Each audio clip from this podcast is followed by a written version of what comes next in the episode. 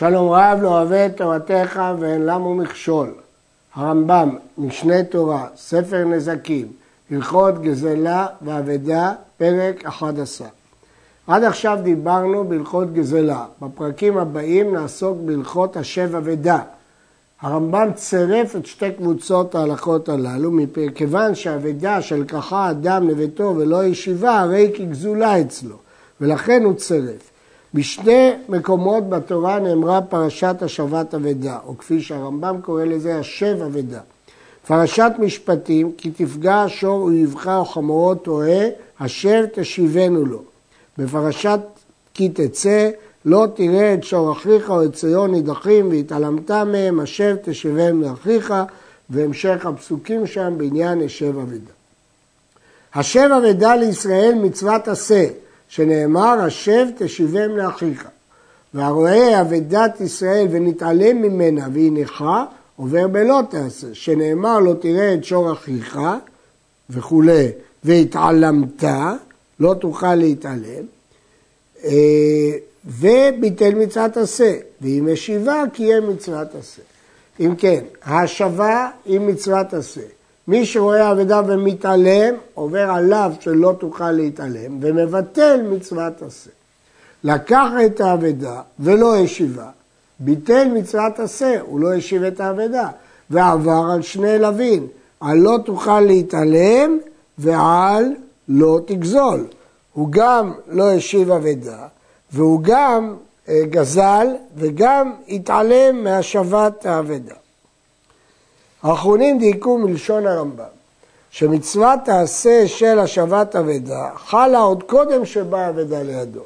כי הוא כותב, הרואה אבדת ישראל ונתעלם ממנה, ביטל מצוות עשה. אה, לכאורה יש להקשות, הרמב"ם לקמן פסק שאם ראה אדם אבדה והמתין ולא לקחה עד שהתייאשו הבעלים, עובר רק על הלאו ולא עבר על מצוות עשה של ההשבה. התשובה היא, אמנם מרגע ראיית האבדה הוא כבר חלה עליו חובת ההשבה, אבל אם בטלה אפשרות ההשבה כי הבעלים התייאש, נפטר האדם מחובת ההשבה, אבל לא עבר, לא תוכל להתעלם כי הוא המתין עד שהבעלים התייאש. אפילו היה בעל האבדה רשע ואוכל נבלה לתיאבון וכיוצא בו, מצווה להשיב אבדתו. אבל אוכל נבלה להכעיס, הרי הוא מין. והמינים מישראל והאפיקורסים ועובדי עבודה זרה וחללי שבת בפרהסיה, אסור להחזיר להם אבדה כגוי. המינים, האפיקורסים, עובדי עבודה זרה ומחללי שבת בפרהסיה, הם מומרים שלא משיבים להם אבדה.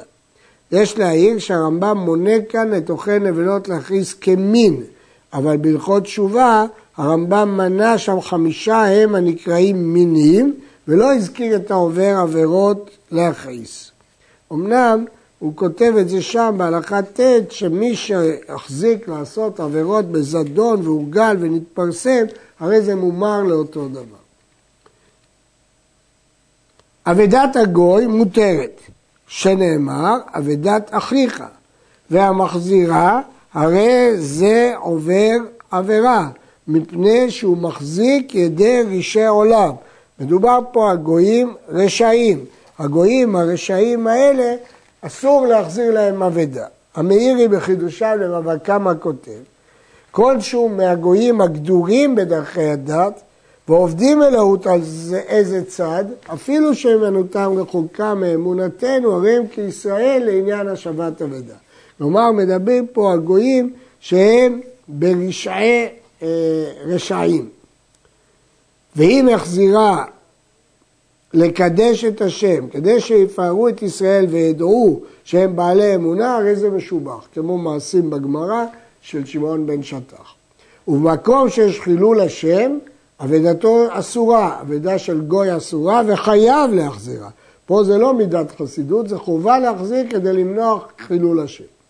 ובכל מקום מכניסים כליהם מפני הגנבים ככלי ישראל מפני דרכי שלום. אם הוא גילה שיש כלים של גוי מוזנחים בחוץ וגנב מסתובב בסביבה, צריך להכניס את זה מפני דרכי שלום כדי שגם הם יעשו כך כשהם מוצאים כלים של יהודי. טעות הגוי כאבדתו, ומותרת, והוא שטעה מעצמו, אבל להטעותו אסור.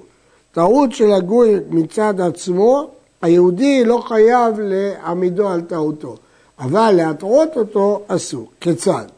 כגון שעשה הגוי חשבון וטעה מאליו, וצריך שאומר לו ישראל, ראה, על חשבונך אני סומך, ואיני יודע, מה שאתה אומר אני נותן לך. כגון זה מותר. שמא התכוון הגוי לבודקו, ונמצא שם שמיים מתחלל. הוא, אולי הגוי מנסה אותו, לראות האם הוא ישר או לא, ולכן הוא אומר לו, אם אתה סומך על החשבון שלך, אני לא בודק אחריך. זה הוא יכול. אבל להטעות אותו, או לתת לו על סמך שכאילו הוא בדק אותו, זה אסור. עיר שישראל וגויים דרים בה, מרץ הגויים ומרץ ישראל ומצא בה אבדה נוטל ומכריז. זאת משנה בעשרת מכשירים, ואם בא ישראל ונתן סימניה, חייב להחזיר. היה רוב העיר גויים. אם מצא במקום מן העיר שרוב המצויים שם ישראל, חייב להכריז. אבל אם מצא בסרטיה ופלטיה גדולים, דרך או כיכר גדולים, בבתי כנסיות, בתי מדרשות שהגויים מצויים שם תמיד, ובכל מקום שהרבים מצויים שם, הרי המציאה שלו, כי רוב העיר גויים. ואפילו בא ישראל ונתן סימניה, שהרי נתייאש ממנה כשנפלה, מפני שהוא אומר גוי מצאה. במקום שרוב גויים, אפילו שהמעבד הוא ישראלי, הוא בטוח שימצא אותו גוי. כיוון שהוא בטוח שימצא אותה גוי, אז הוא מתייאש. אבל אם זה שטח ישראלי, כגון במקום ש... רובע יהודי או אזור יהודי, שם חייב להכריז. אף על פי שהיא שלו, ברוב גויים, הרוצה ללך בדרך הטוב והישר ועושה לפנים משורת הדין, מחזיר את האבדה לישראל שייתן את סימניה. אם כן, המקרה פה זה לפנים משורת הדין, כפי שמופיע בגמרא, מדין ועשית ישר והטוב. מצא בעיר זו שרובה גויים חבית של יין, ינה אסור בהניה, וקנקנה מותר משום אבדה. הולכים אחרי הרוב, לכן לגבי איסור יין נסק זה אסור כי רוב גויים. הקנקן מותר משום אבדה. ואם בא ישראל ונתן סימניה, מותרת בשתייה לזה שמצאה. למה? כיוון שהוא נתן סימניה, אז זה לא יין נסק. מצד שני הוא לא חייב להכריז, כי אנחנו מניחים, להחזיר, אנחנו מניחים שהישראלי יתייאש. אז אומנם זה של ישראלי, אבל הוא כבר יתייאש, ואז המוצא יוכל גם לשתות את היין. רוב שחטב בשר והשליחו בחצר אחרת, אף על פי שרוב העיר ישראל, הרי זה מותר משום אבדה, שהרי נתייאשו הבעלים ממנו. ברור שכשהבעלים ראה עוף נוטל את זה, הוא יתייאש. אבל זה מותר רק משום אבדה, כי למסקנת הגמרא, מדין טרפה זה אסור ככל בשר שנתעלם מן העין. המוצא אבדה וזהותו של ים ובשלילותו של נהר, שאינו פוסק, אף על פי שיש בה סימן, הרי זו של מוצאה, שנאמר שטובת ממנו ומצאתה. מי שעבודה ממנו מצויה אצל כל אדם. יצאת זו שעבודה ממנו מכל אדם, שזה ודאי נתייאש ממנה. פה אפילו אם הבעלים ירדפו אחריה, אנחנו בטוחים שהוא יתייאש ממנה. למה? כי בעזותו של ים ושלותו של נהר היא עבודה מכל אדם. יש להעיר שמלשון הרמב"ם משמע שמפה לומדים את הייאוש, שזה ודאי נתייאש, אבל פוסקים אחרים הבינו שבמקרה הזה זה לא תלוי בכלל בייאוש, אלא זה היתר מיוחד של התורה, שהיא עבודה שמותרת לכל אדם. המאבן ממונו לדעת, אין נזקקים לו. כיצד? הניח פרתו ברפת שאין לה דלת ולא קשרה והלך לו. השליך כיסו ברשות הרבים והלך לו וכל כיוצא בזה, הרי זה איבד ממונו לדעתו. ואף על פי שאסור לרועה דבר זה ליטול לעצמו, אינו זקוק להחזיר, שנאמר שטובת ממנו הומצאתה, פרט למאבד לדעתו. ובכן, אה, מדובר פה שאדם לא הפקיר את נכסיו, אלא לא שמר אותם כראוי. כיוון שהוא לא שמר אותם כראוי, אז אני לא חייב בהשבת אבדה, כי הוא בעצמו ויתר על שישיבו לו את אבדתו, כי הוא לא שמר אותם כראוי. אבל זה לא אומר שהוא הפקיר את זה, וכיוון שהוא לא אומר שהוא הפקיר את זה, אז לכן אסור לקחת את זה. לא חייבים לבצע השבת אבדה, אבל זה לא הפקר שמות... שיהיה מותר לקחת את זה. הטור חולק וסובר שאבדה מדעת זה הפקר, ומותר לקחת אותה. אבל כפי שאמרנו, שיטת הרמב"ם זה לא הפקר, זה רק מצב שאין חיוב של השבת אבדה. אבדה שאין בה שווה פרוטה אינו חייב להיטפל בה ולא להחזירה. פחות משווה פרוטה היא לא ממון, הוא לא חייב להחזירה. מצא שק או קופה, אם היה חכם או זקן מכובד, שאין דרכו ליטול כלים אלו בידו, גם אם זה היה שלו, הוא לא היה לוקח את זה, אינו חייב להיטפל בהם, ועומד את דעתו. אילו היה שלו, אם היה מחזירן לעצמו, כך היה חייב להחזיר של חברו. ואם לא היה מוחל על כבודו, אפילו היו שלו, כך בשל חברו אינו חייב להחזיר. אם אפילו שזו הייתה אבדה שלו, הוא לא היה מחזיר, אז גם את של חברו. הגמרא לומדת והתעלמת פעמים שאתה מתעלם. פעמים מותר לו להתעלם. היה דרכו להחזיר כלים אלו בשדה, ואין דרכו להחזירם בעיר, כי בעיר רואים אותו אנשים וזה לא מכובד. ומצאם בעיר, אינו חייב להחזיר. מצאם בשדה, חייב להחזירם עד שיגיעו לרשות הבעלים, אף על פי שנכנס בהם לעיר ואין דרכו בכך. כלומר, למרות שבתוך העיר אין דרכו, אבל כיוון שהוא מצא בשדה, ובשדה כבר חלה עליו חובת השבה, כיוון שכבר חלה עליו חובת השבה, הוא צריך להחזיר אותם עד הבעלים.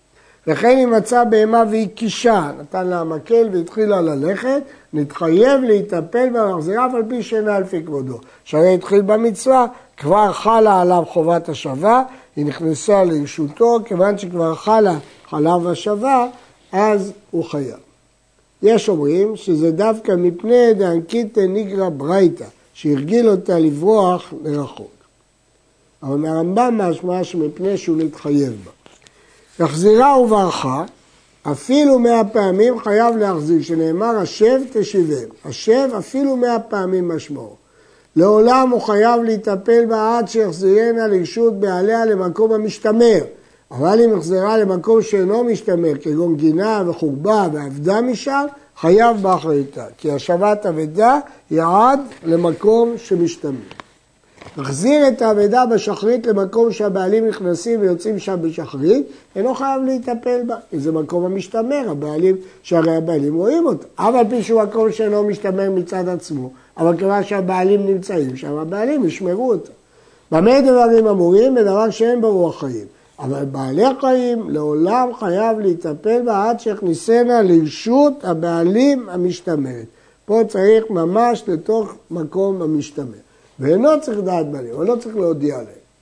ראה בהמה שברחה מן הדיר והחזירה למקומה, הרי קיים המצווה ואינו צריך דעת הבעלים. אפילו שהוא לא הודיע להם, קיים את המצווה. ההולך בדרך הטוב והישר ועושה לפנים משורת הדין, מחזיר את האבדה בכל מקום, אף על פי שאינה לפי כבודו. יש כמה וכמה מעשים בגמרא על המוראים וחכמים שהחזירו אבדה וטיפלו בה, למרות שזה לא לפי כבודו. כהן שראה אבדה בבית הקברות, אינו מטמא להחזירה, שבעת שמקיים מצוות עשה של השב אבדה, מבטל עשה שקדושים יהיו, ועובר על לא תעשה שלא יטמע בעל מעמיו, אז זה גם עשה וגם לא תעשה. ואין עשה של השבת אבדה דוחה את לא תעשה ועשה. שואלים המפרשים, הרי בהשבת אבדה יש גם איסור לאו, לא תוכל להתעלם. מדוע הרמב"ם לא מחשיב פה את הלאו? אומר הריטב"א, ללאו אין שום משמעות, רק עשה דוחה לא תעשה. זה שיש עם מעשה גם לאו, זה לא משנה אה, שום דבר. עוד הקשו ראשונים, הרי הוא עוד לא נכנס לבית הקברות והאבדה לא באה לידו, ועדיין לא חל עליו החיוב של השבת אבדה. אז ברור שלפיהם, דווקא כשהוא נטל אותה והתגלגלה האבדה לבית הקברות. אבל לפי הרמב"ם זה פשוט מאוד, כי כבר ביארנו שדעת הרמב"ם שחיוב העשה חל כבר בשאלת ראייתו את המציאה, ומכאן ראיה לרמב"ם. רואים מכאן שהרמב"ם מבין שהעשה שקדושים יהיו מחייבת את הכהן להיות טהור. כך הוא כותב בפירוש המשנה, כבר ידעת כי פרישת הכהן או הנזיר מן התרומה יעשה ולא תעשה. אמנם שם הוא מביא את הפסוק וקדושתו, אבל פה הוא כותב קדושים יהיו. ראה את האבדה ואמר לו אביו אל תחזירנה, יחזיר ולא יקבל ממנו, לא ישמע לאביו. שאם קיבל מאביו, נמצא בעת שמקיים מצוות עשה שכבד את אביך, ביטל עשה של השב תשיבם, ועבר לא תוכל להתעלם. כאן הוא עובר גם על לא תוכל להתעלם, וגם על השב תשיבם, וכל זה בגלל מצוות עשה של כיבוד אב ואם, זה לא דוחה. לכן זאת הסיבה שאין כיבוד אב ואם דוחה את מצוות השבת אבדה. המשנה למלך מציע הסבר אחר, שבכלל אין חיוב לכבדו במקרה הזה, כי הוא לא עושה מעשה עמך, הוא רשע ולכן הוא לא חייב לכבדו, אבל זאת לא שיטת הרמב"ם. הרואה מים שוטפים ובאים להשחית בניין חברו, או להשחית שדהו, חייב לגדור בפניהם ולמונעם, שנאמר, לכל אבדת אחיך, לרבות אבדת קרקעות. גם אבדת קרקע חייב אדם להציל שהיא לא תלך לאיבוד, זה חלק מהשב אבדה. עד כאן.